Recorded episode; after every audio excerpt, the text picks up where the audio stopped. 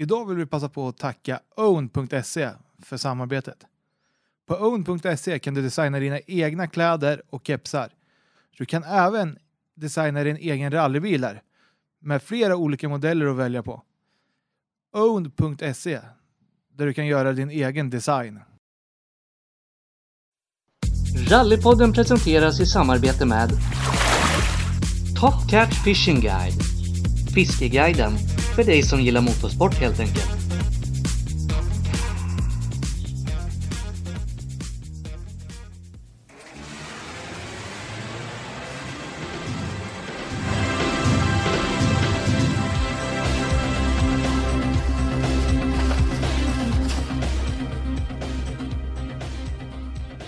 Hej och välkommen till Rallypodden.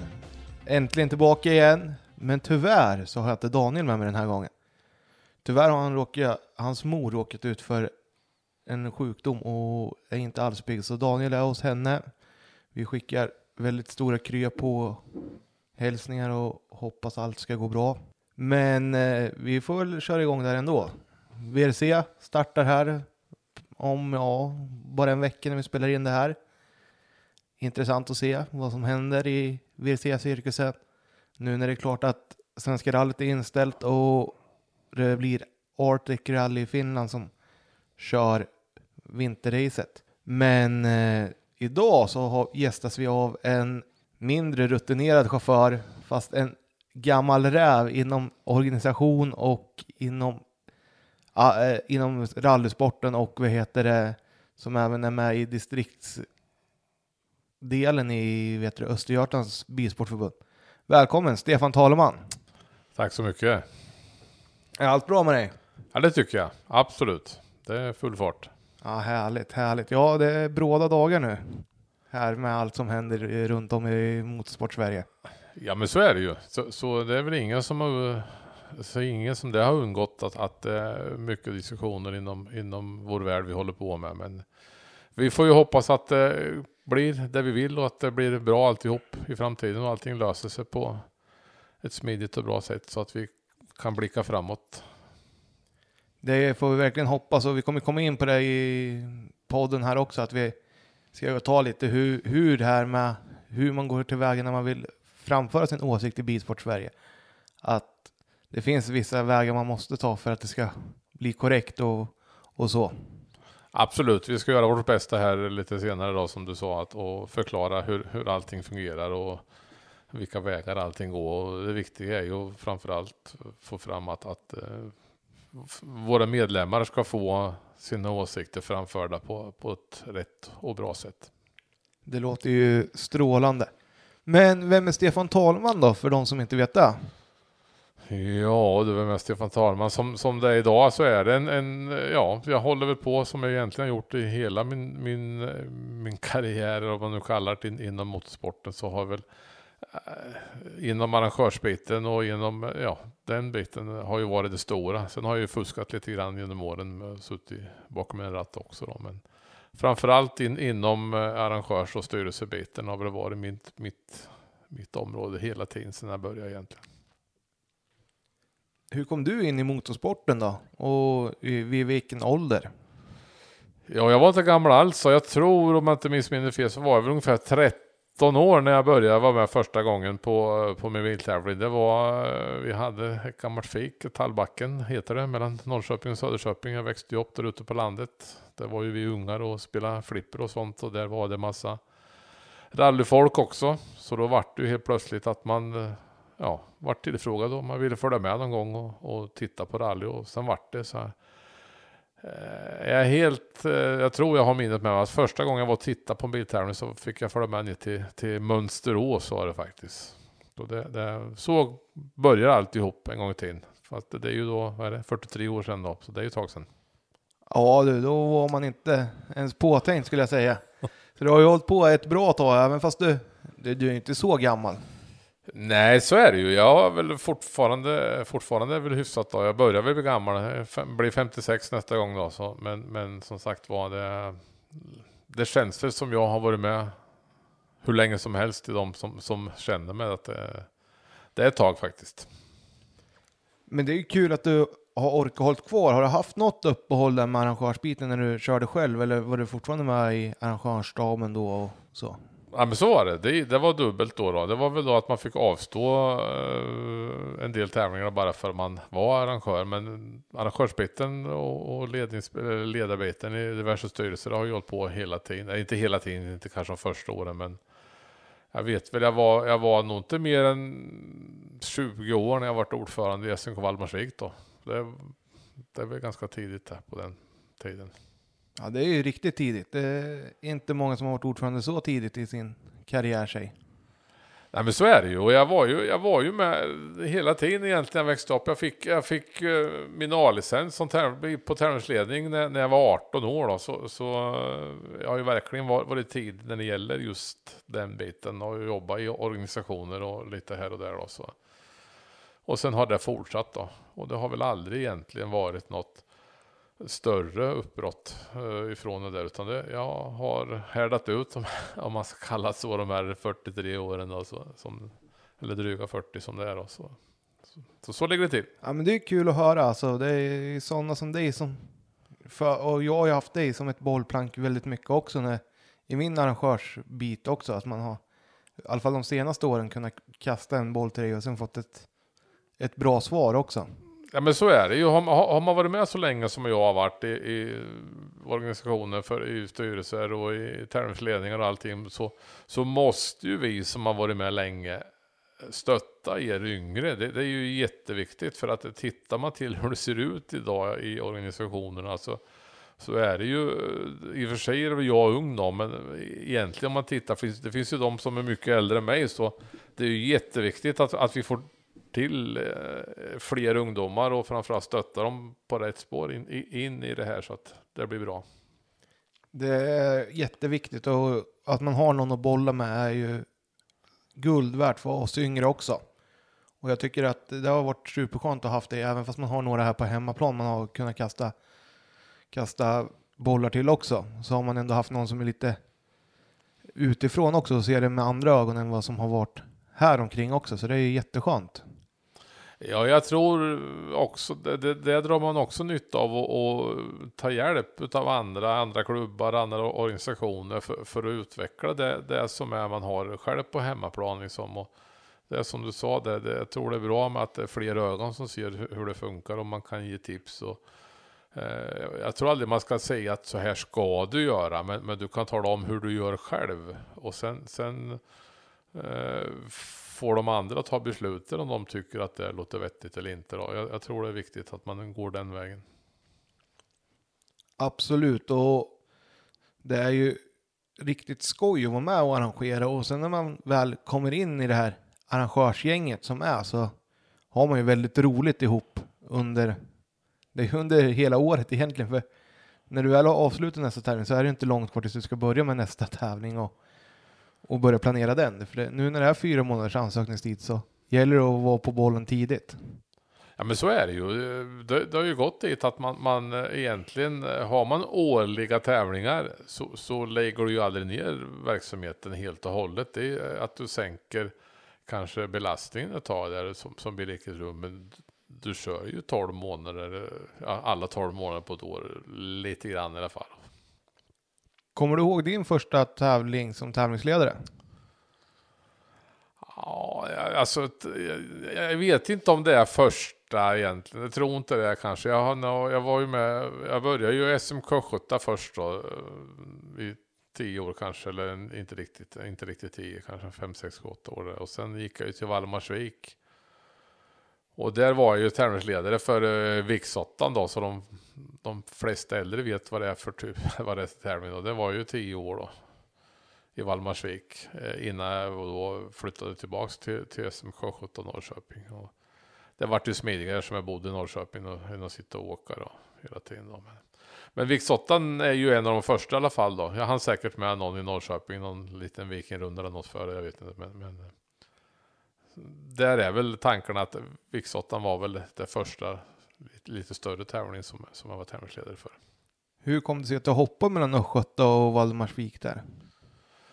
Det var väl lite vilka man umgicks med lite grann där eh, egentligen. Det, det var väl så det vart att jag hamnade i Valdemarsvik för att eh, jag bodde ju då eh, i Söderköping bodde jag ju först. Så jag är ju emellan Norrköping och Söderköping växte jag upp som barn och så flyttade till Sörping och sen Ja, och sen Norrköping och det vart väl lite så att det var kompisar och det så hamnade i Valdemarsvik då. Men det är ju där. Det är ju mycket roligare att göra det tillsammans med sina polare än att sitta med några man inte kanske umgås så mycket med utanför motorsporten. Ja, men så, så är det ju och framförallt när man är yngre tror jag att man, man, man eh, liksom eh, då är man med i den klubben där man har kompisgänget liksom och sen ju äldre man blir så, så är väl kanske inte det Eh, absolut det viktiga spåret men, men ändå eh, vissa vänner och bekanta följer man ju hela vägen egentligen i det här och då, det är då det funkar om man har roligt. Men kul ändå att du kunde komma tillbaka till Östgöta där och, och fortsätta arrangera där när du väl flyttade tillbaka till Norrköping. Ja men så är det ju. Det, det vart ju några år där och sen, sen vart det ju vissa perioder var det ju väldigt, väldigt mycket då. Sen, sen eh, ju äldre man blir ju förståndigare blir man. Man lär sig att säga ifrån framför allt. För att eh, till sist så blir det ju lite mycket. Och då, då är det viktigt att hitta det, det här spåret att man verkligen kan backa och, och, och ja, för det blir att eh, det var ju en period där det var lite mycket. Man var med lite här och lite där och rörde och det vart väl kanske inte fullt bra varje gång. Det gick lite mitt emellan. Så. Sen började man ju lära sig att prioritera lite grann. Så, så, ja, så det vart lite lagom. Det där säger ju du till mig varje gång vi ses att du måste bestämma vad du vill göra. Jag tycker det är ju roligt att vara med överallt. Det är ju det som är Ja, men, men det, och det, det är därför jag tjatar på det Hampus, liksom att, att du måste börja prioritera lite för att till sist blir det för mycket och då blir inte allting riktigt bra. Det blir kanske bra, men inte fullt så bra som man vill ha det egentligen.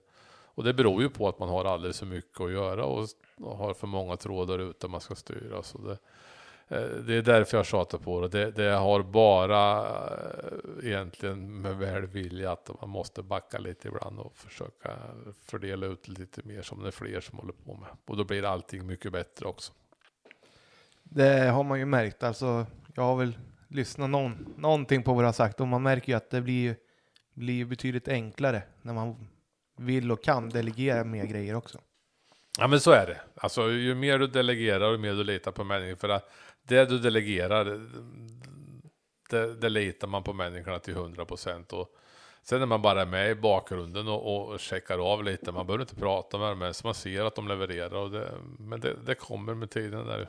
Det, det, och det är jätteviktigt och framförallt så sänker man sin egen stressnivå när man delegerar. Så, så är det. Men när du var tillbaka i Östergötland, hur gammal var du då? då? Det var väl runt 30 ungefär då, någonstans där. Jag, om det var 28 eller 32, det har jag inte koll på. Men det, det, var väl där någonstans då, ungefär då. Som man gick tillbaks då. Det var ju för att jag hade flyttat till Norrköping då med. Och liksom, då kom man ju ännu längre ifrån då. Och då var det ju resandet som avgjorde. Det var nog inte något, något annat, utan det var mer för att göra att det var väl ett steg i det här och börja bli bekvämare och liksom att det blir för mycket att sitta och åka. Men på den tiden när du gjorde klubbyte, var det samma process som det är idag? Att du ska ha stämpel från båda klubbarna och, och så om man skickar in papperna till förbundet och så? Ja men så var det, så funkar det alltihop då. Det var viktigt. Man var tvungen att, först gick man ju till den klubben man skulle gå till då, så fick man påskrivet där. Och sen gick man till den klubben man var, man, man, var, man nu då, var med i så fick man stämpeln där då. Så var det. Det är ju eh, så det funkar även idag, så det, det har inte ändrat sig mycket. Sig. Nej, det har det ju inte. Och det kan man ju tycka kanske att eh, liksom varför ska någon behöva godkänna att du, du byter klubb? Liksom, vill du byta klubb så ja, ska du få byta klubb utan att någon eh, säger något annat. Det var ju faktiskt så att ville den gamla klubb var motstridigt då så kunde de ju hålla på det i tre månader innan klubbytet liksom genomfördes. Så var det. Och så är det väl kanske än idag tror jag. Jag vet inte exakt om man ska vara riktigt ärlig. Nej, och jag tänker att vi ska prata om lite senare om, om olika klubbar och så, hur det funkar också. För det finns ju väldigt många aktiva klubbar och sen finns det ju de som inte är aktiva alls utan bara en brevlådeklubb som det kallas. Ja men så är det ju. Det, det, är väl, det har väl blivit så att eh, de skapades väl egentligen, för de skapades ju även, ja det är ju länge sedan de skapades. Så de, det, det är ju de som bara vill åka och inte vara med och göra någonting. Då. Och det, det, det kanske man ska acceptera också. Det, det finns väl de som bara vill utföra eh, sporterna vi håller på med. Och vi som arrangerar, vi får kanske gilla läget där. Och vi kanske skulle tänka om även där då, även få behålla de här i, i våra, inom parentes då, vanliga klubbar istället för att de skapar de här klubbarna som bara är brevlådeklubbar. Det, det, det tillför ju ändå uh, någonting och, och ha dem med i din egen klubb. Absolut, så är det ju. Men om vi ska ta här då. Nu är vi, när började du åka själv? Var du här när du kom tillbaka ja, till? Ja, ja, nej, jag var faktiskt, jag åkte, jag köpte nog min första tävlingsbil innan jag hade körkortet faktiskt till och med. Så att jag var 18 år och två månader när jag åkte min första C-tävling då. Vart åkte du då? då? Kommer du ihåg första tävlingen? Ja, det var Bondesvängen i Katrineholm. Hette den. Och hur gick det här då? Ja, det gick väl som... ja, men det gick väl bra. Den, den gången kom man väl i mål ordentligt och på en eh, Eh, lite blygsam placering. Men, men eh, det var ju ändå premiären och jag visste ju vad jag ville på den tiden. Det var ju, det var ju ett sätt. Eh, dels då han var ju med på arrangörsbiten, men det var ju klart att jag ville åka själv när jag fick körkort. Så var det ju. Men ryktet går ju att det aldrig har blivit någon uppklassning. Alltså du lyckades bli A-licensierad inom tävlingsledning innan du knappt var 18. Men att bli A-förare i rally som förare, det har du aldrig lyckats med. Ja, det har jag aldrig lyckats med och det, det har väl sina förklaringar. Det är väl till att börja med så var det väl lugnt och skönt. Sen skapar man sig ju bättre förutsättningar och bättre bilar och allt. Och Eh, ja, man åkte väl hyfsat fort, men man ska ju också åka på vägen hela tiden från start till mål på alla sträckor säger de. Så det var väl, ja, det var väl som det var ibland. Är det sant? Är du C-förare fortfarande alltså? Absolut. Det är jag och några till i det här landet som lyckas vara de eviga C-förarna. Så det, det, det, måste ju vara unikt där med att kunna lyckas med det. Ja, det måste, alltså det är ju starkt jobbat att hålla sig kvar så länge i, i C också. Ja, men det är det ju. Absolut. Och jag har faktiskt licensen kvar. Jag vill nog titta nu. Den, den finns kvar så fast jag inte har löst ut den på några år. Så än så är det ingen som har tagit ifrån mig fast jag inte har löst ut den. Så det, det, det är något positivt. Ja, det är väl det. De längtar väl till att man ska bli B-förare. Ja, det kan ju vara så, men det kommer han nog aldrig att bli. Tror jag inte. Så det, det, som det är idag så. Jag tror inte det finns en plånbok som tillåter framför allt att börja åka igen. Men man ska aldrig säga aldrig. Så är det komma in i det här Appendix K-gänget och åka lite sporadiskt sådär. Ja, det skulle väl vara det i sådana fall. Åka lite kortare sprintar och lite ute i skogen. Det tror jag inte man behöver tänka på längre. För det, det, det skulle man vara ljusår efter. Men, men absolut en liten RS skulle det vara trevligt. Men hur många år åkte du där då? aktivt om man säger det? Ja, det var ju lite olika perioder egentligen. Jag började ju två Amazoner där och sen vart det väl uppehåll några år och sen uh, vart det väl ett par Skåner som gjorde av med där då innan det vart då en 240 sista åren där då. Så, så eh, ja, säg att det vart en 10, 10, 12, 15 årsperioder i, i tre olika omgångar ungefär. Ja, det är ju, då har du i alla fall avverkat på bilar. Var det bilbyten på grund av att det gick åt skogen eller var det bilbyte för att det var, var dags att prova något nytt? Ja, två, gång, två gånger var det väl, eh, i alla fall en gång riktigt så var det väl orsakade väl jag med en avåkning så att det inte vart, så det vart färdigt då. Så är det. Sen de andra är väl kanske lite Sista absolut var väl bara att man la av när man sålde 240 man hade då. Så då var det väl färdigt. Sen har jag ju suttit i högstolen hos ett antal personer också genom åren. Så det, man höll på lite längre där då. Hur var det då? Då måste du ha varit med när det börjades med noter och så.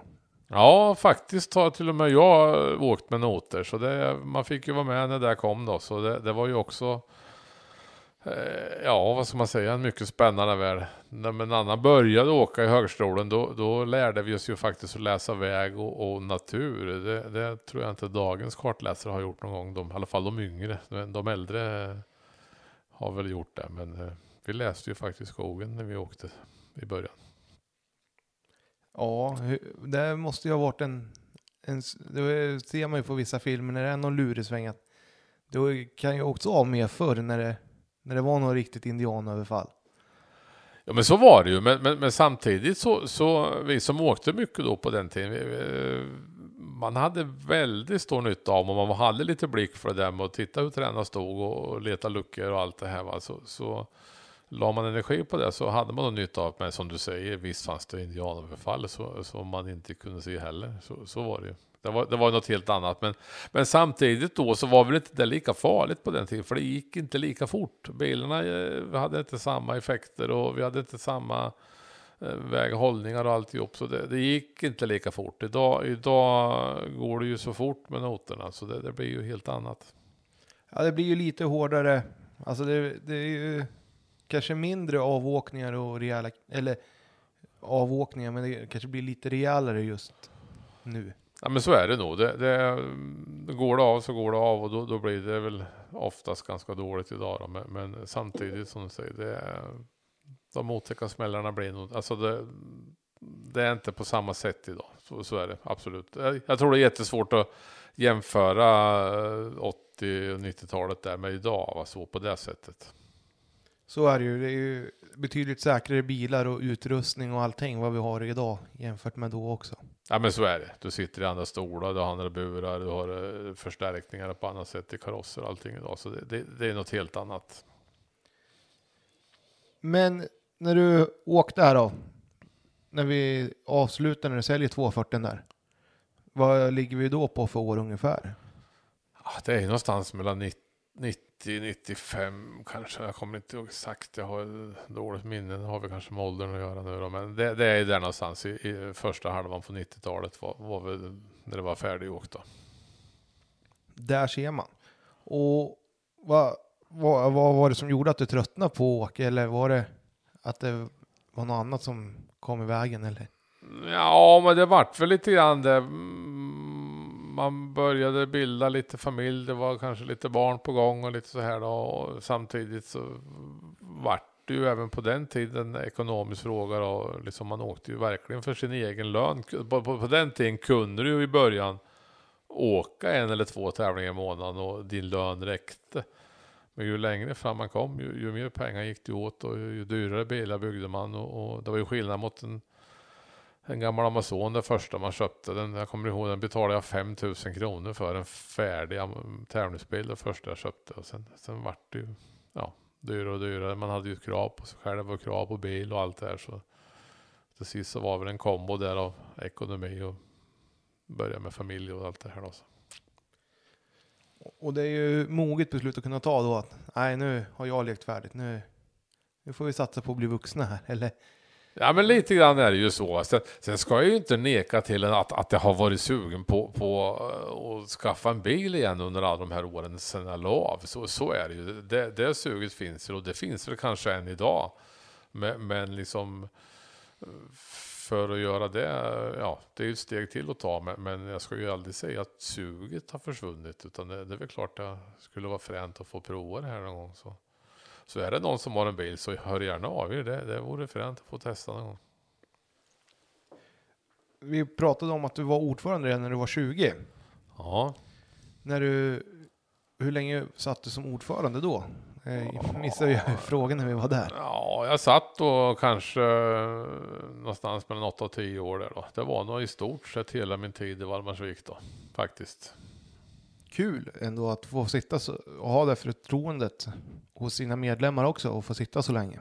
Ja men så är det ju, för det, det är ju, man, man, man, blir ju vald till det och då måste man ju, kan jag tycka att man måste leverera och levererar man inte då, då ja, då blir man ju inte vald. Så absolut att det var inspirerande att ha det förtroendet och framförallt när man var så ung då. Det, det, det var ju spännande för det var ju många gamla rävar också då som, som tyckte att det här var jättebra. Så, så det var kul. Härligt, härligt. Vi heter men när du kom till Östergötland då, gick du in i någon styrelse där eller var du bara med som medlem då? Ja, I början var det väl medlem igen, och jag gick tillbaks då var medlem, men sen satt jag nog i några olika konstellationer där, hoppa in och ut ur styrelsen lite grann då. Så, så var det ju, och det, ja, det var väl eh, när man började förändra lite grann att, att eh, ja, varför man klev in och ur det några gånger, det var väl att man gjorde annat i klubben. Man jobbar ju med tävlingar och man jobbar ju, ja, och var domare på tävlingar, så det var, det var ju mycket rally jämt då. Så, så, och det var väl likadant där, så kände man väl till sist att man måste börja prioritera lite grann och inte, inte vara med överallt, utan ja. Så, så gick det nog till. Och det som är unikt i Norrköping, ni är ju flera klubbar där nere. Funkar någon samverkan däremellan er eller hur är det där? Det är en rätt stor stad tänker jag.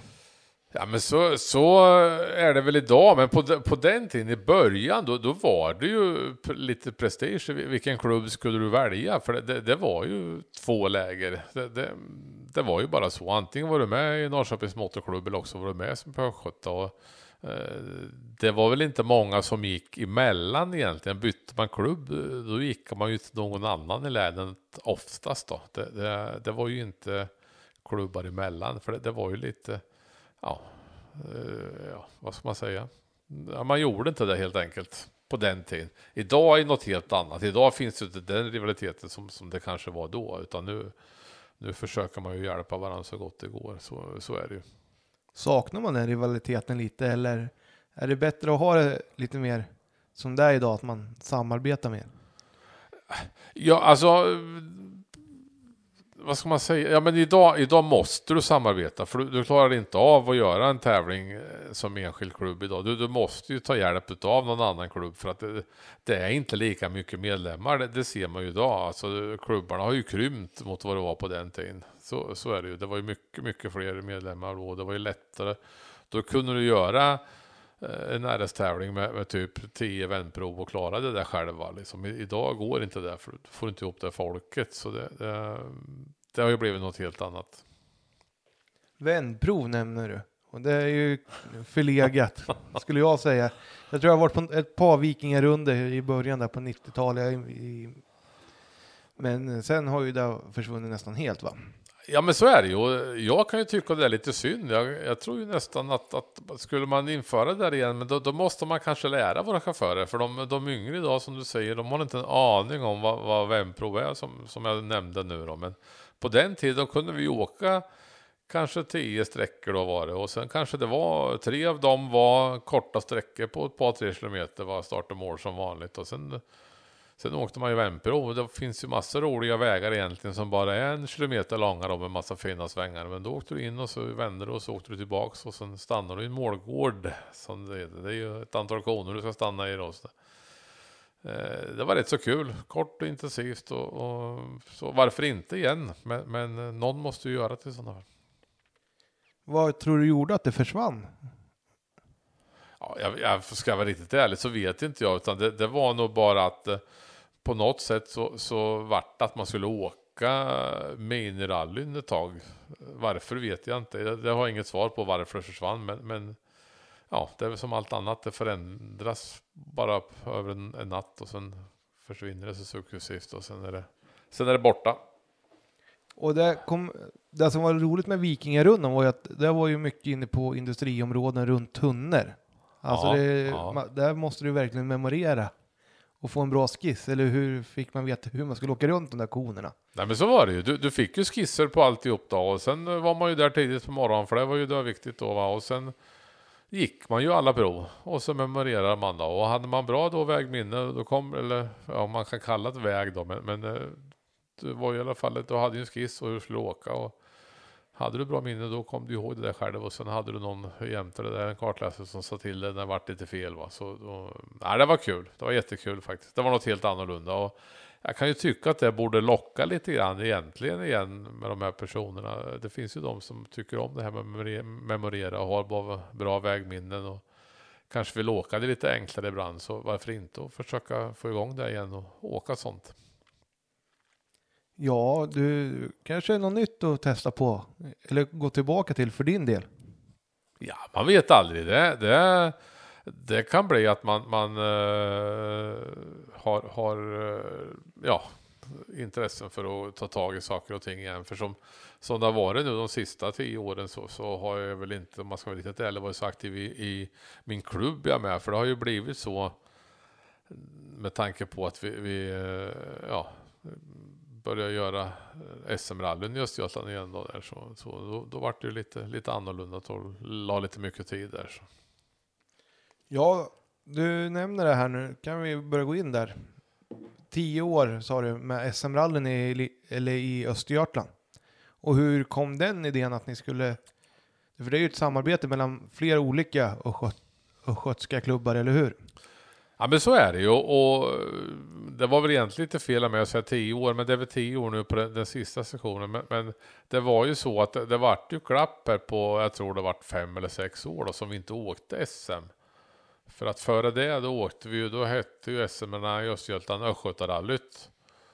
Och då vart det ju så, det näst sista Östgötarallyt eh, var ju lite komiskt egentligen hur, hur det vart då. Det vart ju så att eh, Tommy Andersson från Skänninge och jag hoppade in som tävlingsledare för SM då. Det måste, jag kommer inte ihåg exakt vilket år det var, men, men eh, eh veckan för måndagen, tävlingsveckan, klev Tommy och jag in som tävlingsledare för det rallyt i Norrköping då. För det, då var det lite dubbelbokat på den tävlingsledningen som var utsedd för som var missad. Och så. Det var ju en spännande upplevelse. Så då, då genomförde vi Tommy och jag vårt första SN-rally där ihop då. Och sen, eh, sen vart det ett till sen eh, två år efter i Linköping. Det var 2005 tror jag det var sista. Det var det nog. Vi åkte till Linköping som tävlingsledare. Sen lades Östgötarallyt på is ett tag då. Det skulle vila ett tag och sen var vi ett, ett gäng på en tre, fyra man, fem kanske, som tyckte att nej, vi har alldeles för mycket väg i Östergötland för att inte åka SM. Så då började vi skissa på det och eh, la fram ett helt nytt format och, vi, en ny profil och allting och med namnbyte. Före och målet var väl då egentligen att det skulle bli då en, en eh, internationell tävling någon gång, någon gång i framtiden. Så därför vart det då, så skapades ju i Sweden Rally då med, med ny logga och ny profil och alltihop där då under de, under de där åren då. Och sen kom ju det igång då 2000, 2011. Så det vart ju sex år där utan SM då i Östergötland. Ja, och om vi går då till vilka klubbar som är med i Sweden Rally då och hur samarbetet kom upp där Gick ni till varje klubb och frågade eller var det olika representanter som ni hade med i den här lilla, lilla gruppen från början? Nej, det, det, vi, vi, var ju egentligen, vi var ju med från olika klubbar vi som ville ta tag i ett då igen då. Det, var ju bland annat Tom, bland annat Tom och jag och så några till då. Så, så eh, och sen vart det väl att det gick för förfrågan ut till klubbarna och vi kallade till ett möte, kallade alla till ett möte och alla kom då. Och det slutade med att vi vart då från början då tio klubbar som eh, hittade, eh, eller som bestämde att vi skulle göra det här tillsammans då. Och Eh, sen skapades i Sweden Rally och det skapades en organisationskommitté och allt det här då. Och sen, det var väl kanske då 2009 var väl det då, för det tog ju några år att sätta igång alltihop då. Och sen eh, bestämde vi att alla gick in då med viss summa pengar. och Så det fanns en gr grundtrygghet där och börja för det kostar ju alltid lite att starta igång ett rally efteråt. Och vi sökte SM och fick SM och allt det här. För det var, det var ju det, det var ju, det skulle ju bli SM, det var ju där vi skulle åka då. Så, så vart vi tilldelade det och sen jobbade vi på det och sen, ja. Så, så var det, det var så ESR skapades då. Kul att höra. Och hur många klubbar är ni kvar nu då? För jag tror inte ni är tio klubbar nu va? Nej, då är vi sju som är kvar då. Det, det är ju, har ju valt, det är ju tre som har valt att kliva av lite olika anledningar då. Det, det finns inte folk att vara med och det är ekonomiskt och lite sånt här då. Det, är är bara respekterat, så, så är det. Men vi är ändå sju av de här tio som håller ihop idag då. Och så, så det är ju, ja det är kul.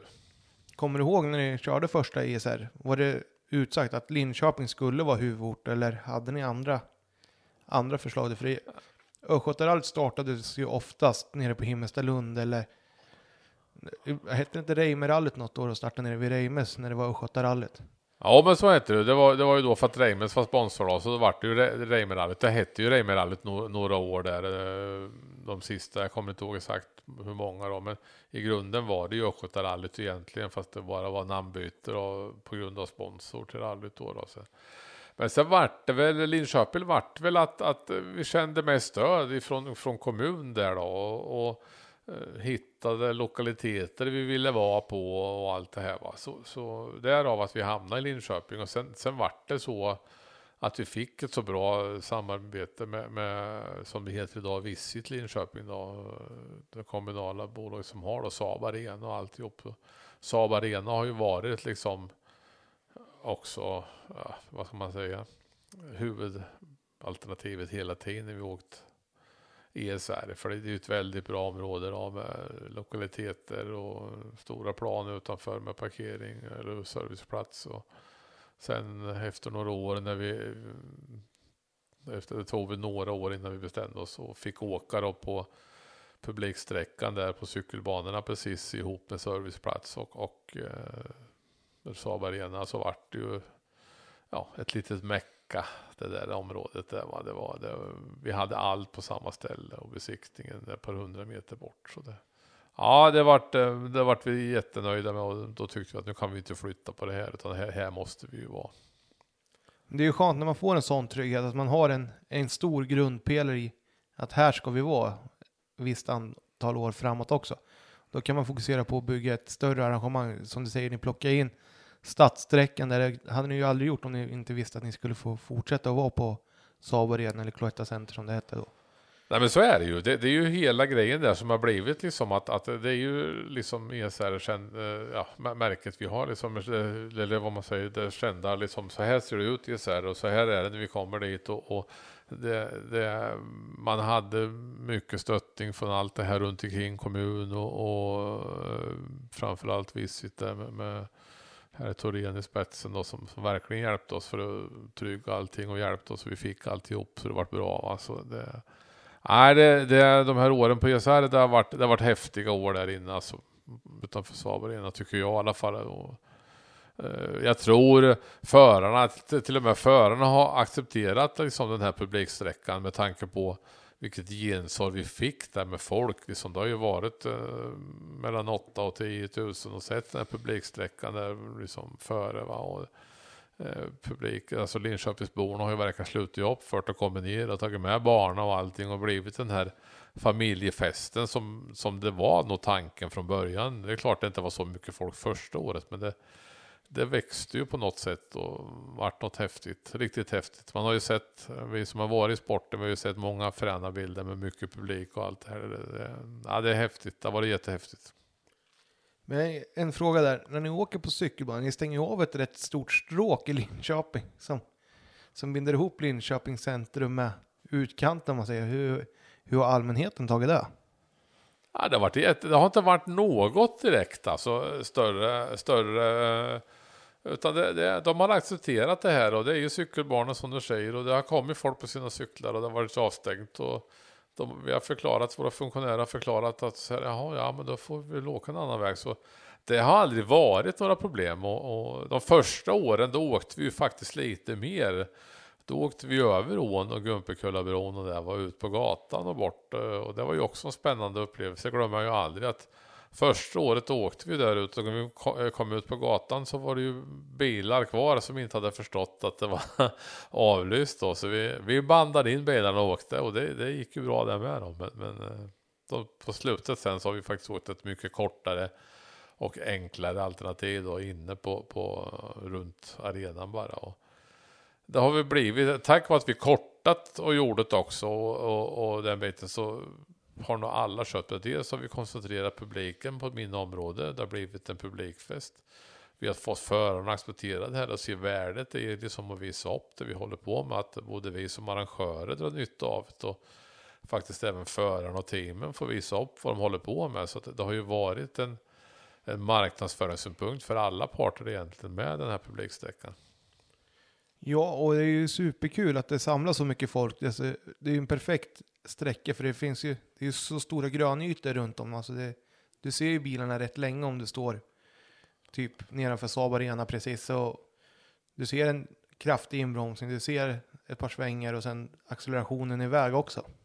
Ja men så är det ju. Och framförallt så har vi ju lyckats med det som var vårt mål från början. Det var ju att få ner folk som inte går på rally annars. Liksom 80 procent av de här som var nere på Stångebro när det var mycket folk. Det var ju sådana som aldrig kommer ut i skogen annars. Och, och det är det som är så häftigt med det här. Och framförallt, eh, det hade nog inte gått att fått det här någon annan. Alltså, du måste ha det här nära till stan som vi verkligen har där. Här, här kan du gå ner från city alltså på 10 minuter ifrån Tjänarne city och, och, kunna få uppleva det här. Alltså det, det är ju det som är så häftigt att vi är så nära centrum och kan genomföra det här.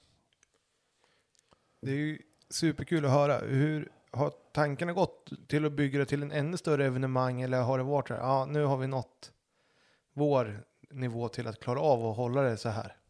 Nej men så, så har det ju alltid varit. Det var ju som man nämnde förut då. Det, alltså när vi startade, liksom när vi började planera för ESR. Med att vi bytte namnet till, Isbjörn Rally då. Det skulle ju vara användbart internationellt. Liksom det är lättare med ESR än vad det är med Östgötarallyt. Liksom det, det, så målet var ju från första början att, att det skulle bli en internationell tävling. Och eh, vi lyckades ju faktiskt med att göra en internationell eh, tävling. Vi gjorde ju det för två år sedan. Då. Så, så eh, vi nådde ju vårt mål. Sen att inte det vart någon jättesuccé då, eh, med några bilar direkt. Vi var väl ett par stycken som kom ut, utifrån då. Men, men vi åkte ju ändå en fria tävling som, som var vårt mål. Det är kul att lyckas, men om vi säger så här, första tävlingen, kommer du ihåg den som var ESR? Ja, det, det, gör jag nog faktiskt. Det, det, vi började, vi fick ju till då på Dörsända kvarn där uppe då, en, en tävling första gången 2011. Där, där åkte vi ju första Östgötarallyt, eller ESR då som var då en gammal Östgötarallyområde. Vi hade åkt Östgötarallyt och alltihop. Då.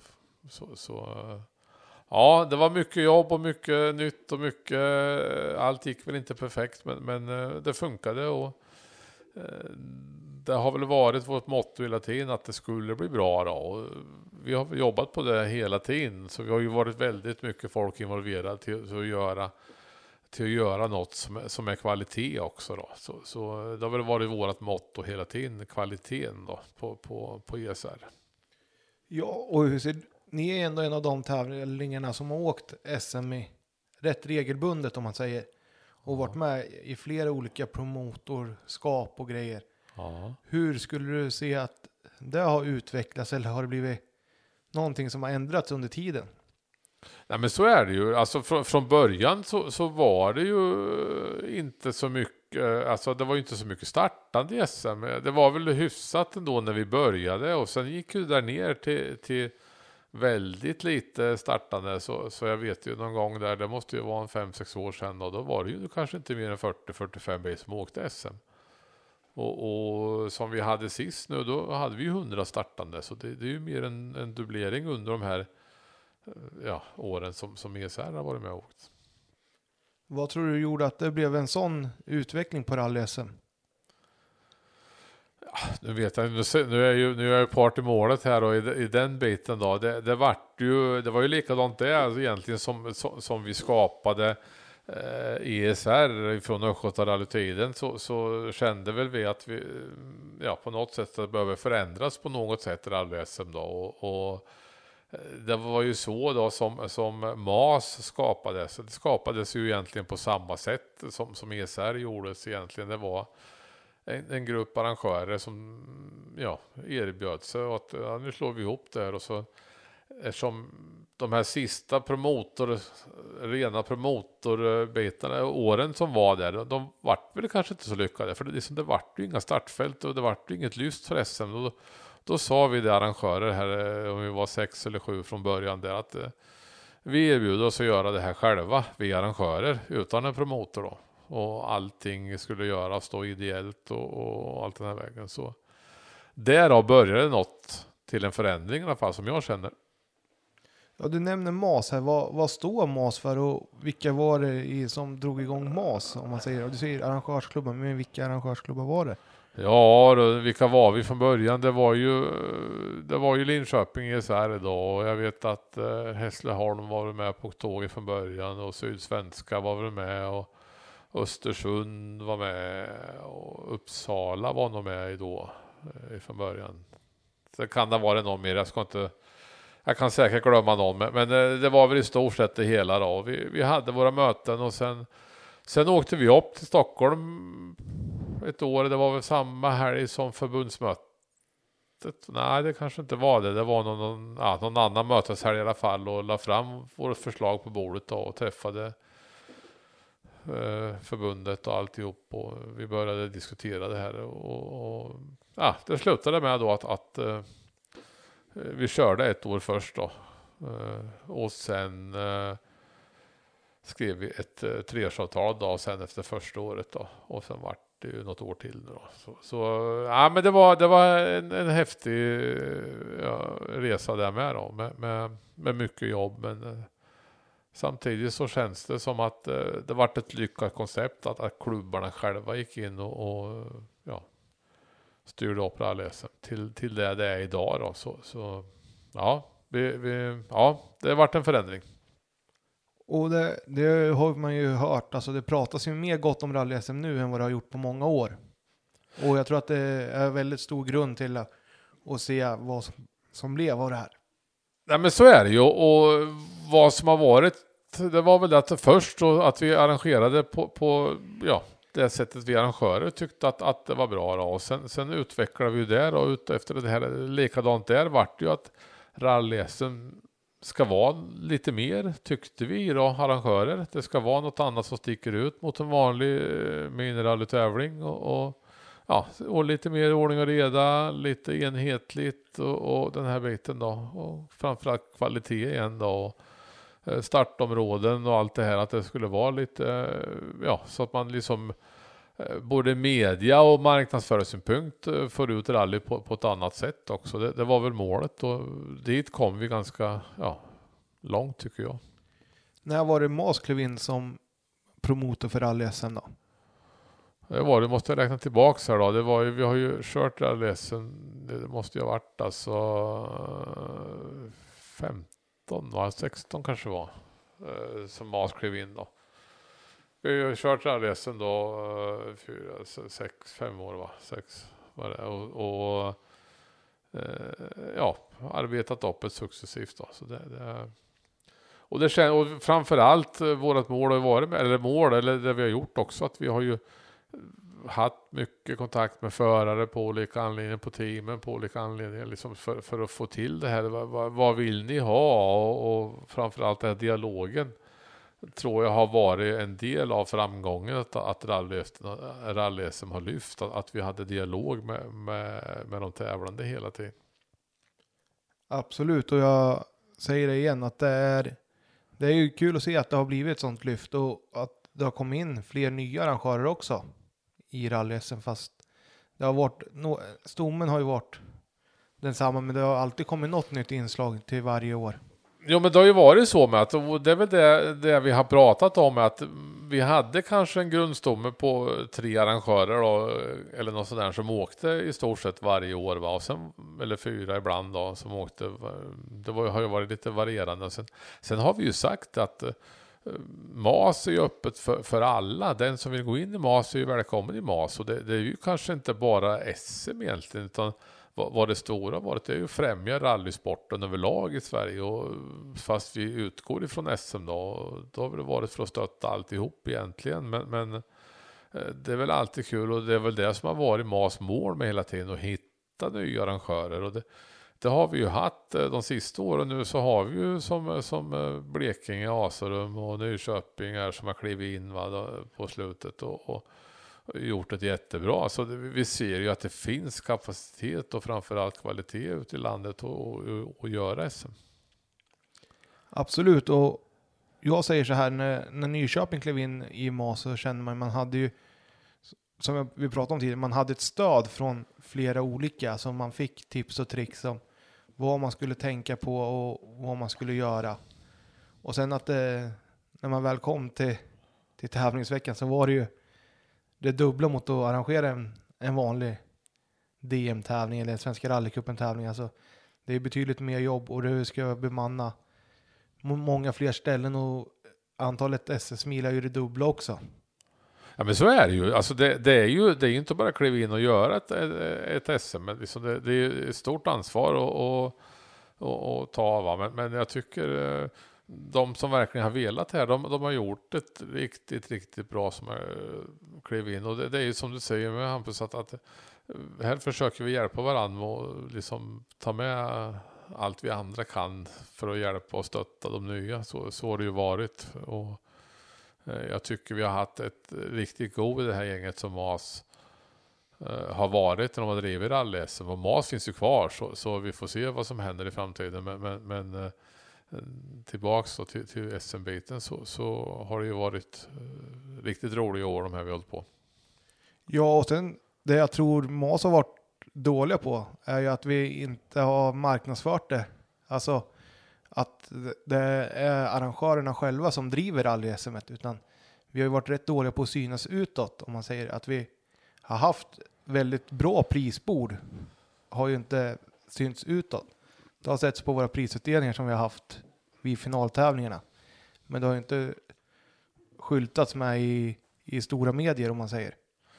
Nej, men så är det väl. Och jag vet inte varför det har blivit så. Vi, vi har talat om det en gång, liksom att, att uh, i början eller precis före säsongen, att det kommer att vara en jättestor prisutdelning och alltihop. Och sen, sen har vi ju aldrig, som du säger, varit riktigt bra på kanske att marknadsföra det här. Och det, det är väl eh, synd med dem. Men det är väl det lilla, om man ska kalla det minus, eller om man kallar det att vi inte har lyckats föra fram helt och hållet eh, vad, vad MAS står för och vad, vad det är vi gör och, och allt det här. Va? Så, så, så, så, så, så, ja men det, så är det väl.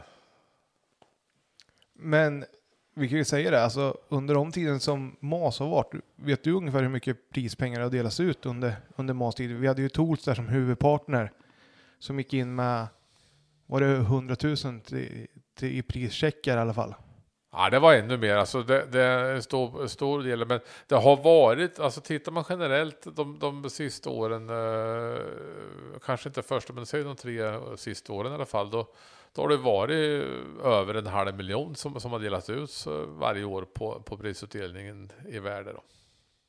Det är ju extremt bra och det har ju inte varit i pengar utan det har ju varit i, i presentkort på många olika ställen. Det har inte varit det största vi har delat ut. Vad, vad kan det ha varit till en enskild förare? Kommer du ihåg det? Ja, det, det är nog de här, ja jag vet, ja nej, jag vet inte, men säg att eh, den största prischecken i alla fall har väl legat på 30 000 i alla fall. Och det, så är det ju. Sen, sen har det ju varit ja, massa olika summor där. Men, och det har ju varit det som har varit lite, Eh, lite kul också egentligen. Att det har ju varit ifrån så många olika de här prischeckarna. Och eh, de flesta har ju anknytning till något sätt till motorsporten. Sen har vi ju haft lite andra, lite hotell och lite spa-grejer och lite sådär. Så det, det, det är lite, har ju varit lite roligt att det har varit lite annat med, och inte bara motorsporten som priser, utan det, det har varit liksom en spahelg är väl kanske inte det, det vanliga att en rallyförare vinner. Så, så är det ju. Så det, det har varit lite kul att det har varit så brett och ja, allting där då. Då kan vi skicka den passningen att vi hade ju ändå, vi har ju delat ut priser även fast det inte har setts i MAS.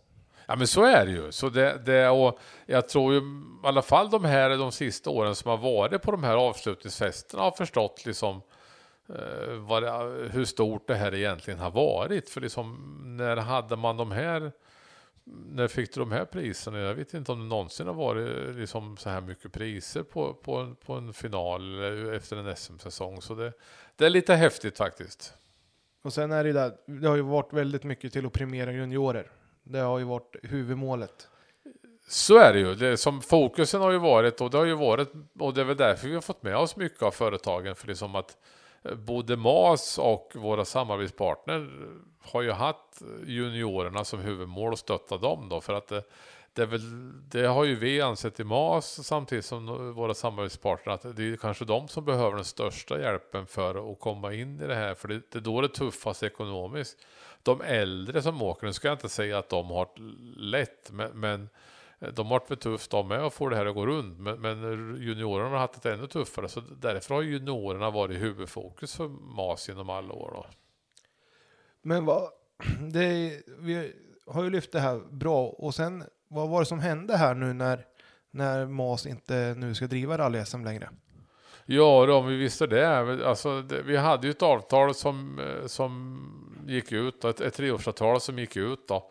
Och sen vart det, eh, förbundet eh, var väl inte riktigt hemma i vad de ville för framtiden. Då. Så det, det vart, eh, vi ville ju ha ett nytt treårsavtal där, då, men det vart ett år då för att både de och vi skulle kunna presentera en framtid då framöver. Då. Så det var, sen vart det ett år till då. Och sen eh, skickade vi in ett nytt treårsavtal. Eh, för vi vill ju fortsätta utveckla för vi tycker att MAS har, har, har ja, var på rätt spår och vi utvecklade SM sista året då, och åkte vi team, teammästerskap införde vi som, som faktiskt vart succé också då. Så, så eh, ja, som sagt var vi skickade in ett avtal och sen eh, vi gör faktiskt inte ett nytt förslag på ett nytt treårsavtal då, men, men eh, där stannar det. Jag har faktiskt inte mer att säga där, för vi, vi har inte fått svar mm, på, på det sista som skickades in. Vad var det sista ni fick höra då? Var, var att de tittar efter nya, nya konstellationer eller är det något sånt som har hörts utifrån eller till er? Ja, det har ju hörts, men, men inte till oss då, utan liksom när vi, när vi, vi kontaktade ju förbundet med jämna mellanrum bara då, liksom efter att vi hade skickat in våra, vårat avtalsförslag. Och eh, vi fick bara till försvar att vi har inget nytt att komma med. Då. Så, så svar just nu då, så ni får vänta får vi se vad som händer. Och där är det punkt egentligen med kontakterna mellan MAS och förbundet. Och sen, sen eh, fick vi ju reda på att det förhandlades med en, med en annan part och det har vi inte undgått någon. Och det var ju Mattias Ekström där som var på väg in. Och, eller var, det förhandlades med i alla fall. då på väg in ska jag väl inte säga, det är väl fel uttryck kanske. Men, Eh, Eh, och under den tiden så, så hörde inte vi någonting då. Och sen, eh, ja. Sen efter ett antal, ja efter något år då, eller vad det nu handlar om till slut, efter att vi skickade in det så fick vi höra att det vart en, en ny konstellation som driver all-SM då från, från i år och framåt då. Ja, och det, är ju, det blir spännande att se vad, vart rally tar vägen och hoppas att de kan bygga vidare på det, det som har varit. Ja men det får vi ju hoppas nu då liksom. Det, det, vi är nöjda med det, det vi har lämnat eh, efter oss känns det som. Och, och det här att vi har lyft SM och alltihop. Så, så för, för förarna och för teamens skull i landet så hoppas vi ju verkligen att, att det fortsätter och, och utvecklas och blir bra. Så att det, det blir häftigt eh, i framtiden också att åka rallyhästen som vi tyckte det var. Och med, med ett, eh, ja, Förra året kan vi diskutera hur häftigt det var, men vi lyckades ändå göra fyra tävlingar så, så i coronatider som, som varit riktigt bra faktiskt. Eh, efter mycket bra samarbete med, med myndigheterna där som var väldigt välvilliga och förstod att eh, vi klarade av framförallt då, de tre på hösten där och arrangera så, så gott det går publikfria tävlingar. Så, så all heder till, till det samarbetet vi hade med, med polisen och länsstyrelsen att vi kunde genomföra det här ett, ett, ett coronaår. Då. Ja, och vi får ju skicka ett stort lycka till till Svenska rallymästerskapen som, som tar över till nu 2021. Absolut, vi får hoppas att de eh, jobbar på samma, samma sätt som, som, eh, som MAS har gjort och verkligen utvecklar rallysen. För det, det är ju det vi måste hålla på. Det, det är inte färdigutvecklat än på långa vägar. Eh, MAS hade ju väldigt, väldigt många nya idéer som, som, som vi skulle ja, förhoppningsvis uh, utveckla rallysen ännu mer med oss. Så, vi får hoppas att det blir likadant i framtiden. Absolut, så. Men om vi ska gå vidare då. Nu, nu är det ju också, nu, nu har vi pratat lite ESR, vi har pratat lite rally-SM här och om vi ska gå in på det här som är, är hett på gröten nu då, med, med förbundsstyrelse och distrikt och allting, hur, hur, hur vi medlemmar kan vara med och påverka upp i förbundsstyrelsenivå. Hur, hur går vi tillväga? Ja, det, det, det, ja, det är ju som du säger där hur vi, vilken väg och väg. Nu, nu är det här, här eh, ja, det är inte nytt för mig, jag har ju suttit med så länge så på det sättet. Men nu, nu vart jag invald i Östergötlands Bilsportförbund förra året här va, så nu sitter jag ju som vice ordförande där. Så Eh, nu är det mycket att göra helt plötsligt igen då. Man hade väl tron där att med tanke på när MAS inte skulle förlänga och alltihop att nu blir det lite lugnt och skönt ett tag då. Men, men så har det ju tyvärr inte blivit då, utan nu, nu har vi ju har vi en diskussion som förs i landet generellt då, över vår, vår sport och våra sportgrenar. Det är inte bara rally som jag har jobbat mest i utan det, nu är det ju eh, motorsport Sverige vi pratar om och det, det, är, ja, det är verkligen hett på tapeten som det är just nu. Ja, men hur, hur ser det ut i en distriktsstyrelse? Är, det, är ni representerade från olika klubbar i distriktet eller blir, hur, hur kommer du in i en distrikts styrelse om man säger. Ja men så är det, det funkar ju som i alla, alla styrelser och alltihop då. Man, man, man har en styrelse, man har en valberedning som tar fram folk. Det, det, man avgår efter sina mandatperioder eller också sitter man kvar och blir omvald och allt det här. Och det är ju våra medlemmar som, som väljer oss ute på, på årsmötena. Det är ett års, årsmöte med som, som alla andra då. Och sen så blir man eh, vald för att sitta i ÖBs styrelse då, som jag nu tillhör då. och, och där ska man ju framföra sina, sina medlemmars talan. Det, det är ju det som är, är meningen med, med en distriktsstyrelse, att vi ska framföra det våra medlemmar vill. Men om man har ett förslag på, ja, den här personen skulle jag vilja, vilja ha in i, i styrelsen här i, i Sörmland, Västmanland eller i, i nedre norr eller vilket distrikt den gäller. Aha. Då ska du inte kontakta styrelsen. Hur går du tillväga då? Ja, du ska ju ta kontakt med valberedningen och den, den hittar du ju på respektive distrikts eh, hemsida då. Så finns ju alla personer som sitter i styrelsen, de som sitter i valberedningen och sen så ger man ju förslagen då till, till valberedningen som sitter i respektive eh, distrikt då. Och det är ju superbra. Och hur ska man kunna veta att de här är nominerade till att, att kunna komma in i i distriktet?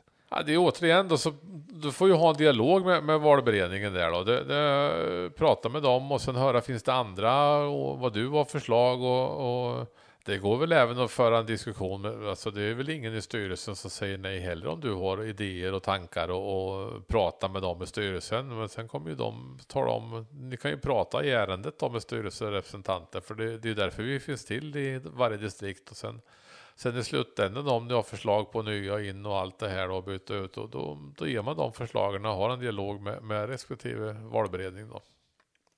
Det är ju bra, men kan man påverka det här på årsmötet på klubbarna?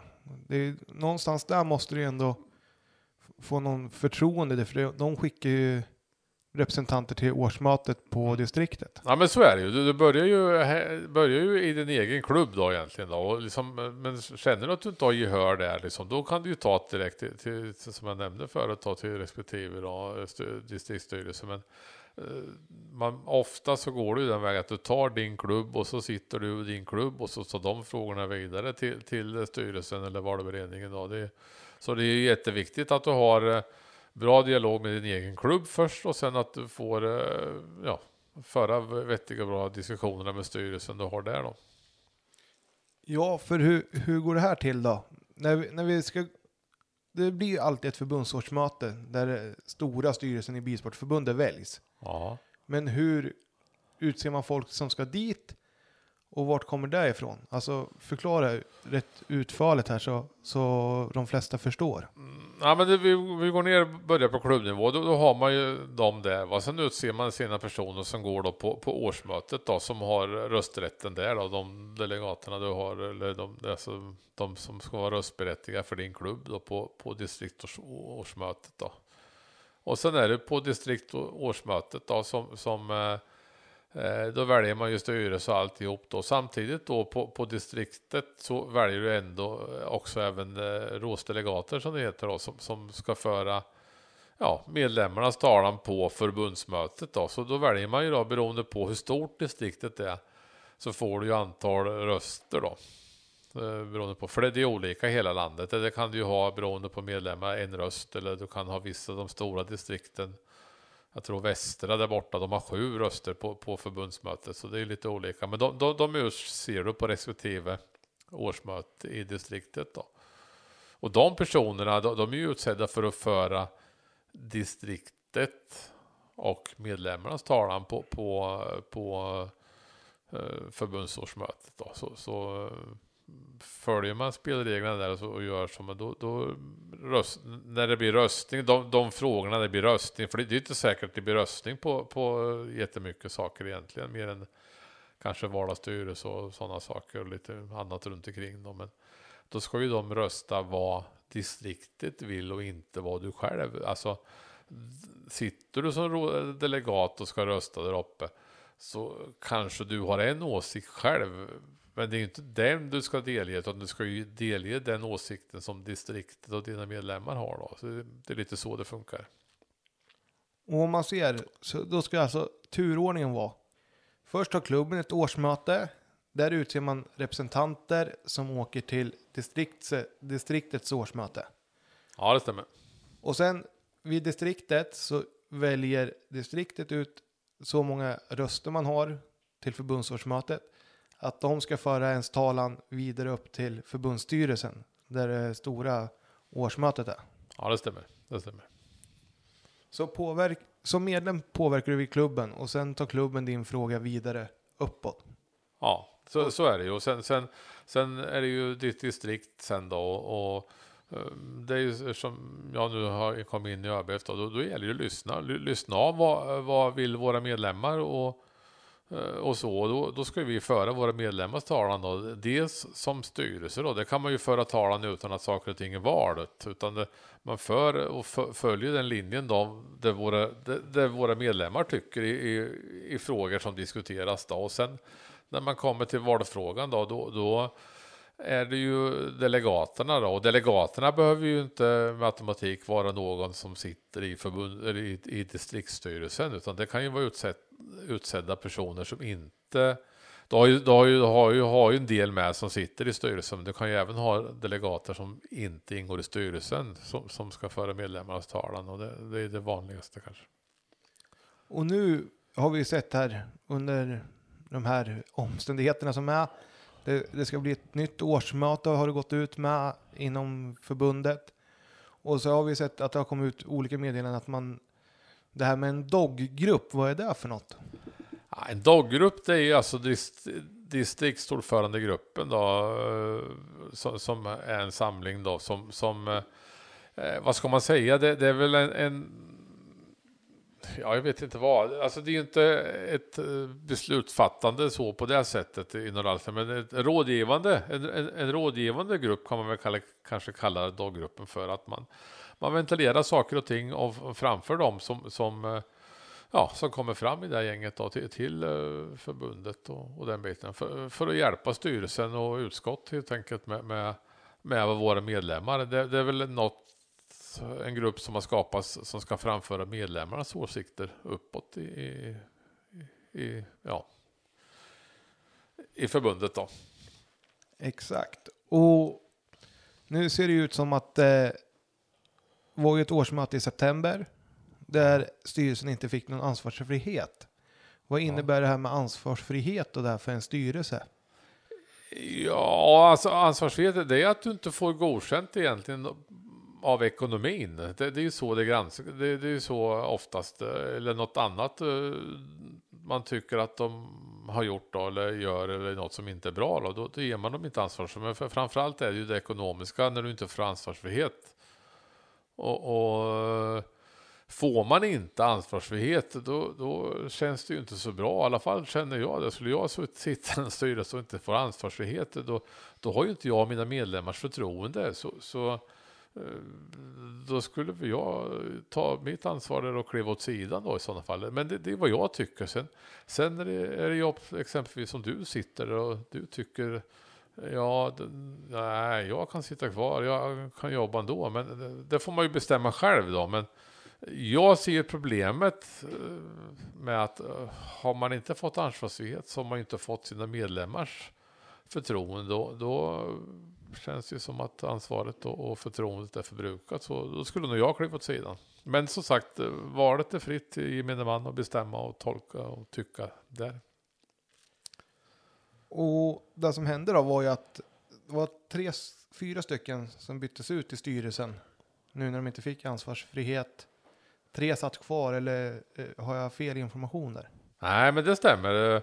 Eh, styrelsen fick ju inte ansvarsfrihet och några valde ju att kliva av där då, och några har ju valt att sitta kvar då. Men det, det är ju bedömningar de har gjort då. Så de bedömningarna kan ju bara de personerna svara för varför de har valt att sitta kvar då. Men, men, men eh, som sagt var, det, det vart ju lite olika där då. Att några klev av och några klev inte kvar och några sitter kvar. och, och Ja, som sagt var, där får du fråga dem eh, vad de har grundat i varför de sitter kvar. Då. Men, men, men eh, som sagt var, hade jag suttit så hade nog jag, eller hade nog, jag, jag hade klivit åt sidan då. Och sen hade man fått jobba där efter och sen eh, får man väl se. Man kan ju komma tillbaka någon gång i framtiden, det vet man inte. Men, men eh, om läget hade varit så så hade, hade jag i alla fall klivit åt sidan. Men, men det är som sagt fritt till vem som helst.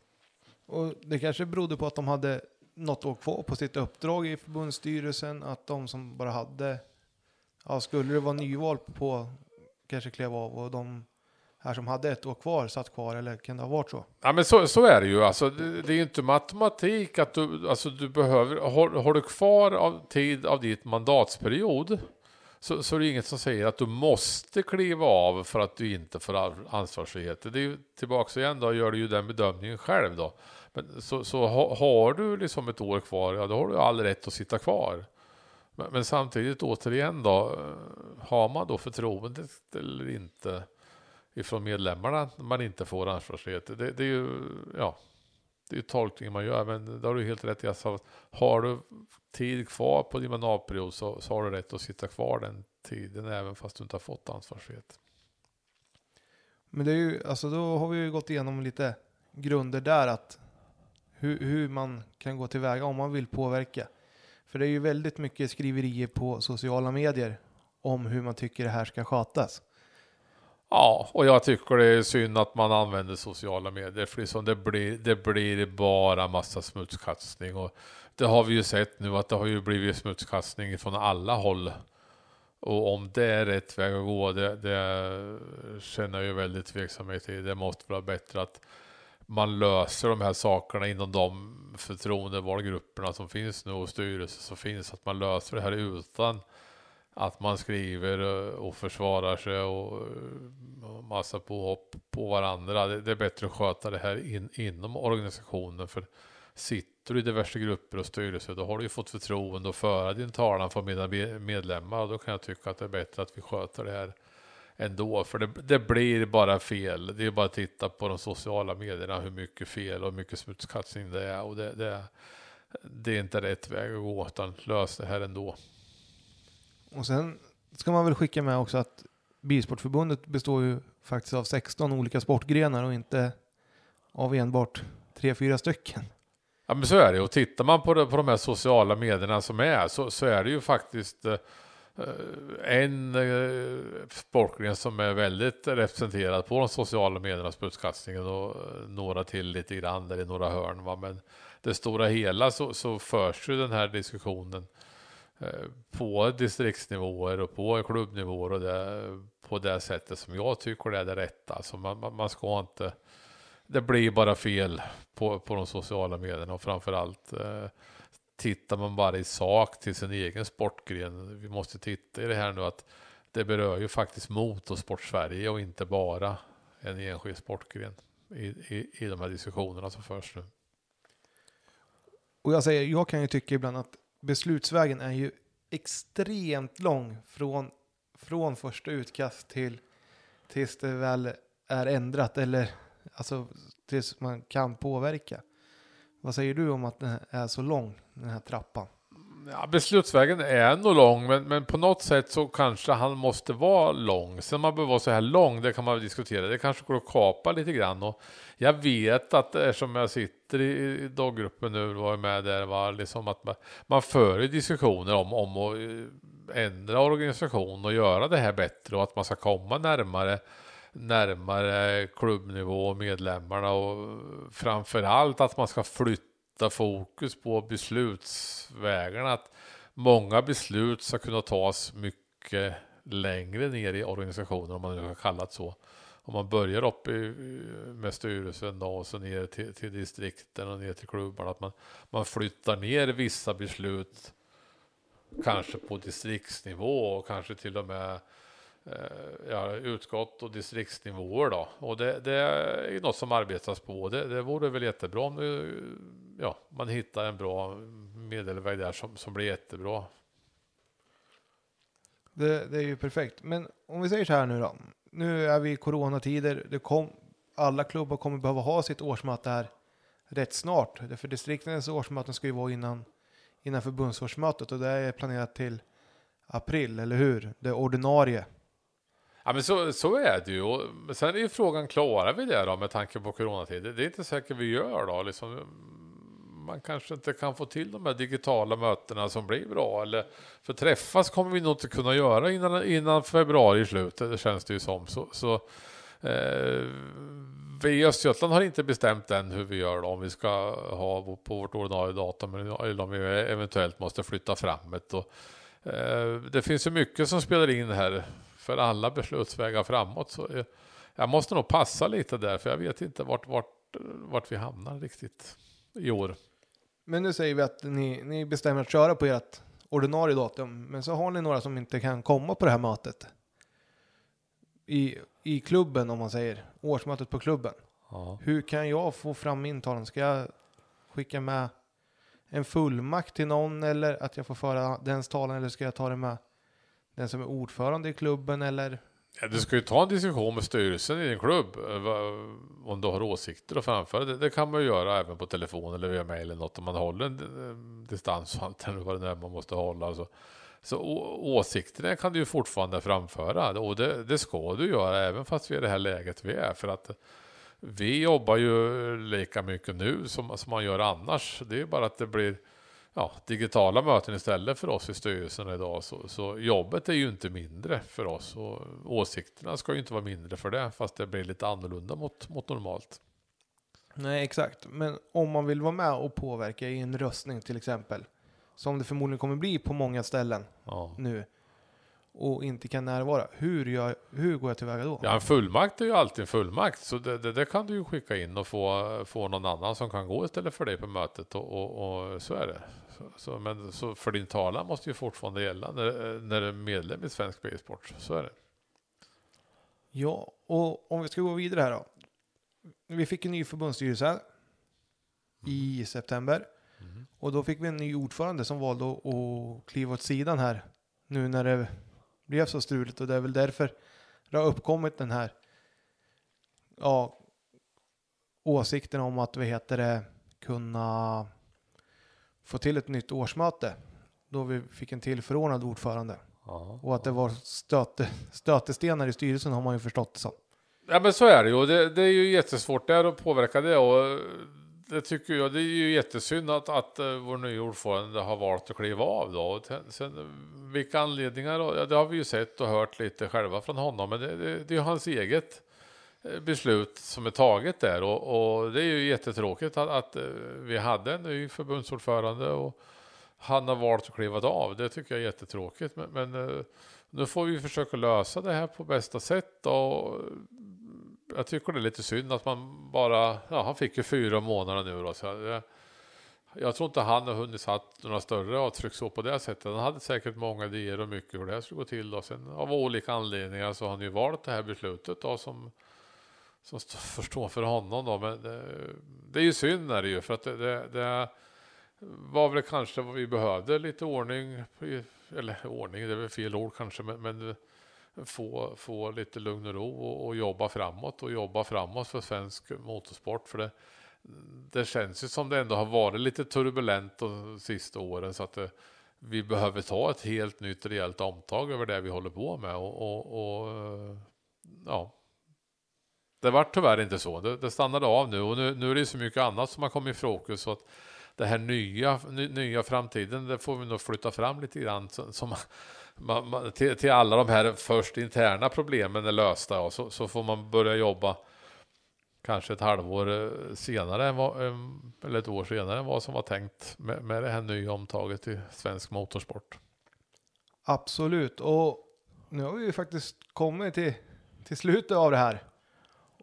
Men har du något mer du skulle vilja tillägga här om, om styrelsearbete och, och sånt som vi kanske inte har tagit upp än? Nej, det, det, tror jag inte egentligen så. Det, det, det enda jag säger är att vi, vi, vad vi ska göra nu, och det är ju till alla, till våra medlemmar, och våra diverse distriktsstyrelser, och våra förbundsstyrelser, och våra kansli och, och alltihop. Att, eh, att vi ska ta det här framåt nu och sköta det på ett riktigt bra sätt så, så vi får får det vi vill ha allihop som jobbar med det här. Lite lugn och ro och eh, jobba för det vi egentligen vill lägga vår energi på och inte bara massa bekymmer utan nu ska vi se framåt och, och jobba framåt för svensk motorsport och, och eh, enas om, om, om, om, om att vi ska, ska lyckas och vända det här och, och sen göra något jättebra om det. Och, jag tror vi behöver förändra kanske arbetet i, i, mot, i det vi håller på med på alla ställen inom som medlemmar och som diverse styrelser och alltihop och, och eh, gå en ny väg framåt och göra något riktigt bra för det här i framtiden. Och det låter ju kanon att det, att det är så, det är så vi måste tänka och det är ju bara vi själva som kan göra vår åsikt hörda genom det, det vi har pratat om här i slutet av, av podden.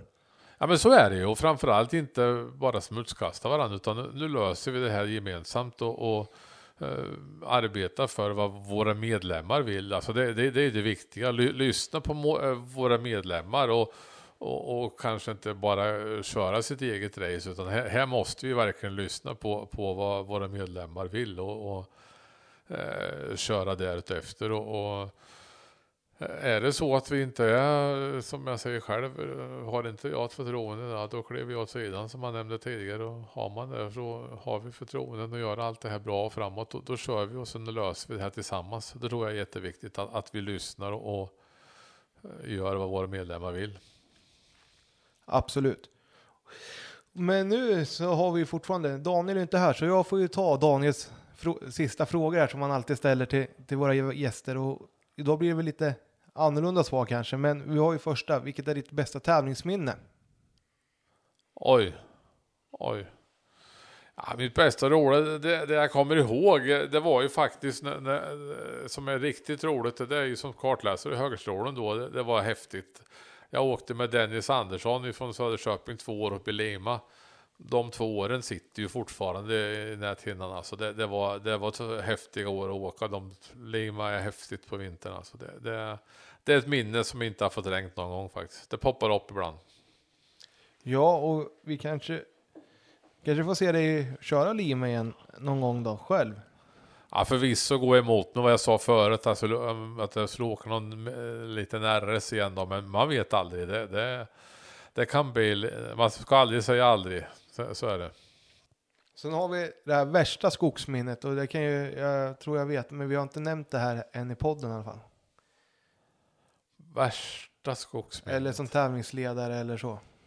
Ja, det värsta det var, det var ju som tävlingsledare, då, då var det några tuffa minuter, men, men faktiskt så gick det rätt så bra. Det, det var ju när, när Robin och Mattias gjorde sin smäll, ESR, den, den sitter ju på näthinnan och kommer göra i många år. Och, jag, jag är så glad att vi hade den säkerheten och den säkerhetspersonalen vi, vi hade den tävlingen för Annars hade vi tyvärr fått ett tråkigare slut. Så, så, men eh, det gick ju bra och båda två är, är, är, lika glada och positiva som de var före smällen. Så, så det är väl det jag aldrig kommer att glömma heller. Liksom. Men, men det slutar ju väl. Ja, om vi tar det. Vad var, alltså, det var ju 2017 det här hände va? Ja, 17 var det väl då. De, de gick ju av rätt så rejält nere, söder om Linköping och, och, och eh, medvetslösa och allting båda två. Då. Så det, det, det, var en riktig smäll de gjorde där ett antal varv och rullade över massa stora sten och alltihop. Så det, det, eh, det var en riktig olycka. Men vi hade ju GPSer och vi tog fram ganska snabbt på vilken bil det var. Och säkerheten var ju inne hos dem med, med rescuebilar och ambulanser och allting riktigt fort. Då. Så det, det Uh, ja, den hade, men det gick ju allting våran väg också, liksom allt vi hade. Så liksom allt vi hade planerat för fungerade ju faktiskt till 100 procent. Och det, det, ser man hur viktigt det är det här med, med säkerheten. Säkerheten kostar mycket pengar på en tävling. Det, det är ju sexsiffriga pengar vi talar om för att lösa säkerheten på, på, på en SM-tävling. Och, och de pengarna ska man ju inte snåla på för att Eh, det har man ju igen den dagen det händer. De här, visst, alla de här åren när det inte händer något, då tycker du kanske att 150 000 är kastade i sjön. Men det är det ju inte. för vad är det för summa för att rädda ett liv? Alltså det, det, säkerheten är så viktig på en tävling. Och, och där är jag så glad att vi har jobbat mycket med säkerheten i Linköping framför allt. Det gör alla andra arrangörer med. Så, så det är jätteviktigt. Och, ja, jag är jätteglad och tycker det är jätteskönt att det ja, slutade som det slutade då nere. Ja, och där ser man kanske också att ni är ett sammansvetsat gäng i organisationen. Att ni vet vad ni ska göra när det ens händer någonting sånt här också. Alla har sin roll och man litar på varandra till 100 procent. Ja men så var det ju. Och, och liksom vi, vi, har jobbat och jobbat och jobbat med, med säkerheten och byggt upp det här. Och eh, alla visste skulle det hända en olycka allting var ju för, förberett och det var krisrum och Saab Arena om det behövdes och det kallades till möten och ja nej det mm, man, man bygger alltså en tävlingsledning idag framförallt på SM vill jag väl säga för då, då, då är det ju lite mer. Då, då är det sammansvetsade gäng hos, hos alla arrangörer. Alltså det, det är på både banbit och säkerhetsbit och tävlingsledningsbit. Alltså man, man, man ger sitt yttersta för att allt det här ska fungera och bli bra. Och, och eh, det är nästan som man eh, tittar man till Robin och Mattias med att, att den här hade man gjort liksom eh, redan före fast vi inte hade gjort det. Men allt som finns på alla papper och alla planeringar och, och allt det här Eh, ja, alla följde det vi hade planerat och, och det ser man hur viktigt det är. Och skönt att det funkar så smärtfritt, eller smärtfritt, men att det rullade på och att det har ju blivit ett, ett skolexempel på hur, hur bra säkerheten är på en rallytävling.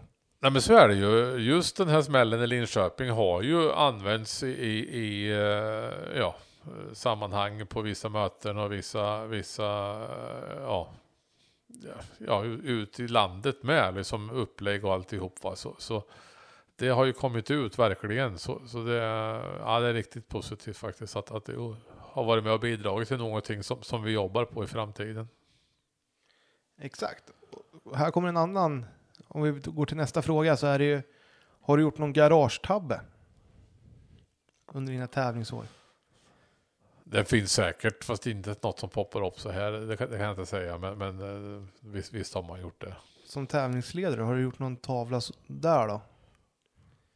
Man har säkert tagit många flera beslut. Jag, jag är inte sämre än att jag kan erkänna att jag, jag gör fel jag med ibland. Men, men visst gör man fel ibland och tar vissa felbeslut. Men då, då kan man rätta till dem, då får man rätta till dem. och, och Eh, ibland har man säkert tagit beslut. Eh, visst, jag har, jag har bestraffat eh, förare under tävlingen som man har fått tagit tillbaka sen för att det inte har hållit riktigt kanske juridiskt och sånt. Men då, då får man krypa till korset och backa och säga att ja, det varit fel så vi tar tillbaka det här. Så det, mer än så kan man inte göra än att har man tagit något felbeslut så backar man och tar beslag. Och det, det har jag säkert gjort inom alla år. Absolut. Både, det har hänt flera gånger. Det är ju det är bra att man kan erkänna när man har gjort fel också. Och nästa fråga är ju, har du någonting med dig när du, när du tävlade? Att du alltid hade med dig något eller när du ska jobba som tävlingsledare eller domare något som du måste ha med dig? Nej, det, nej faktiskt inte. Utan jag tycker man, man, man, man åker dit för den man är och sen, sen eh, det som poppar upp. Och, ja, man tar med sig sättet att bete sig kanske man ska säga. Man, man, man ska vara hövlig och man ska, ska backa, man ska kunna ta eh, framförallt snabba beslut när det behövs. Man, man åker dit och är där man är och så gör man det bästa av den dag man kan göra oavsett vad du har för uppdrag. Det, det tror jag är något man ska ha med sig. Att, eh, allting kan hända. Åk dit och ha bra inställning till det uppdraget vad du ska göra och så kör du och lever in i den saken som, som händer just då. Du har inte med dig någon snusdosa eller alltså, armband på höger arm? Nej, inget faktiskt. För, för snusar men har ju slutat på både, den där, både snus och röka sedan många år tillbaka. Så det, det är ingenting faktiskt. Utan jag, jag, jag tror mer är tillbaka igen. Jag åker och är den jag är och så får man se beroende på vad som dyker upp den dagen och så får man försöka lösa det på, på alla bästa sätt det går att lösa saker och ting. Jag tror det är inställningen till det du ska göra som är det viktiga med sig. Du nämnde ju att du hade åkt kartläsare några gånger. Har du gjort någon sån här riktig kartläsarmiss någon gång?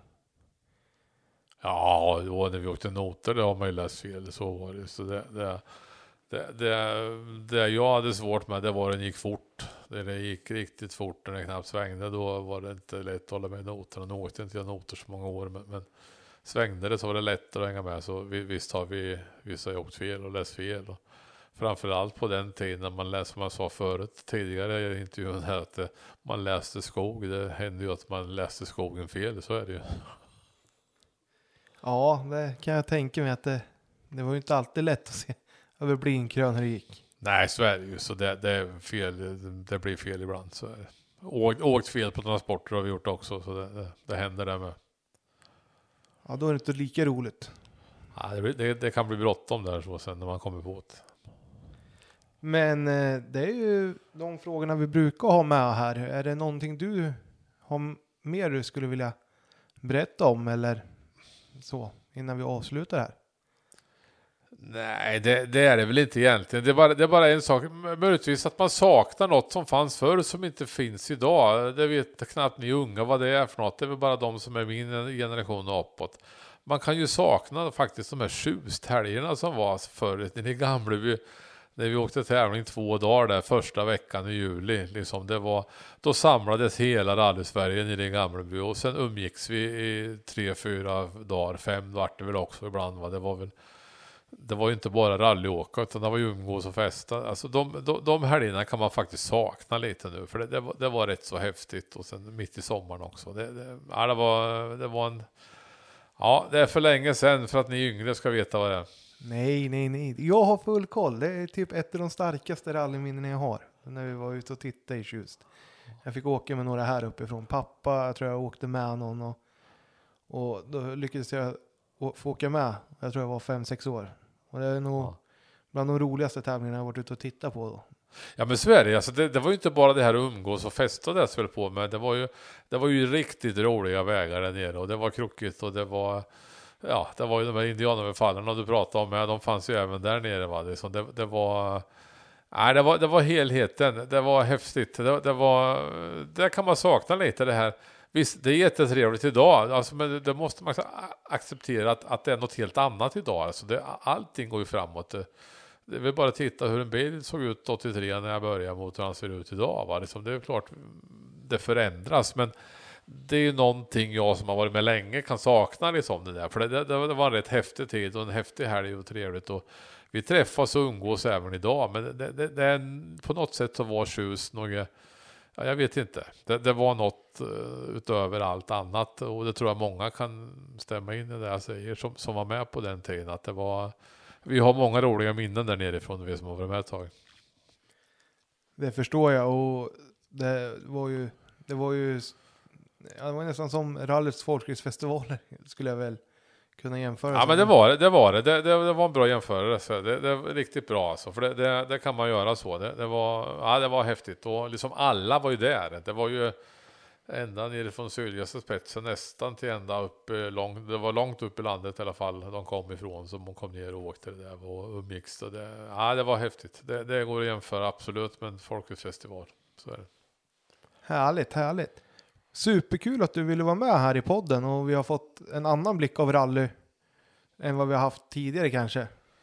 Jag hoppas att jag har tillfört något, eller liksom att, att, att man för, fått en blick på hur det funkar. Liksom det, det är, vi är faktiskt inte några bara som sitter och bestämmer saker och ting över folks huvud, utan vi för våra, våra medlemmars talan. Och jag tror det är viktigt att man mm, ja, vet om vad, hur, hur det funkar och hur det, det jobbas. Och, och framförallt premieras eh, alla eh, styrelser och, och framförallt alla funktionärer ska vi inte glömma.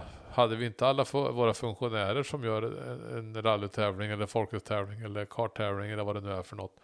Fanns inte de så, så eh, finns det ju inget att åka. Liksom det, det, jag tror det är jätteviktigt att det kommer ut liksom, och att alla förstår hur, hur mycket jobb och hur mycket timmar och hur mycket människor som, som, lig, som ligger bakom ett, ett arrangemang oavsett vad, vad det är du åker för, för sportgren.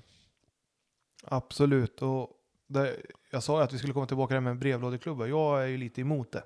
Men när du berättade att ja, man, det kanske är det enda sättet att behålla de här kvar som aktiva, ja då kanske man ska ändra det.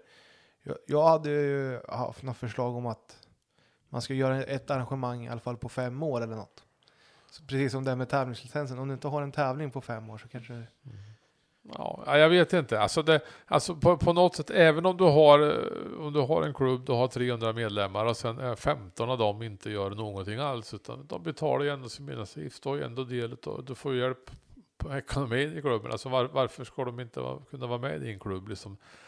Det är ju ett val. De, de, de kan ju faktiskt ha en situation att de har ett sånt jobb eller vad som helst att de inte kan hjälpa till. Så, så är det ju. Och, och då kanske man ska försöka jobba för att ha dem kvar i de, de vanliga större klubbarna istället för att de bara blir en postbox någonstans. Ja, men det var det jag menade. Att postboxklubbarna tycker jag, de har sina fördelar. Men jag, jag hade ju hellre sett dem i, i en arrangerande klubb än i en post.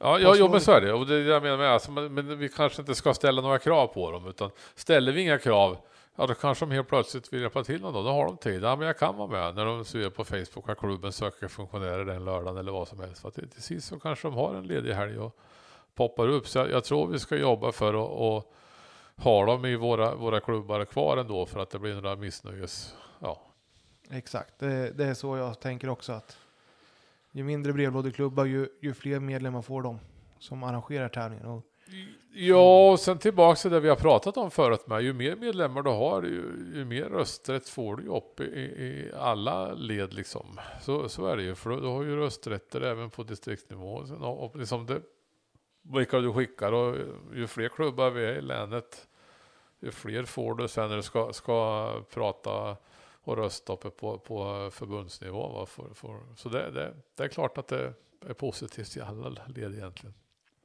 yes. Supertack Stefan och du får for, ha det fortsatt bra så syns vi säkert på en tävling snart igen. Det gör, gör vi säkert. Tack så du ha.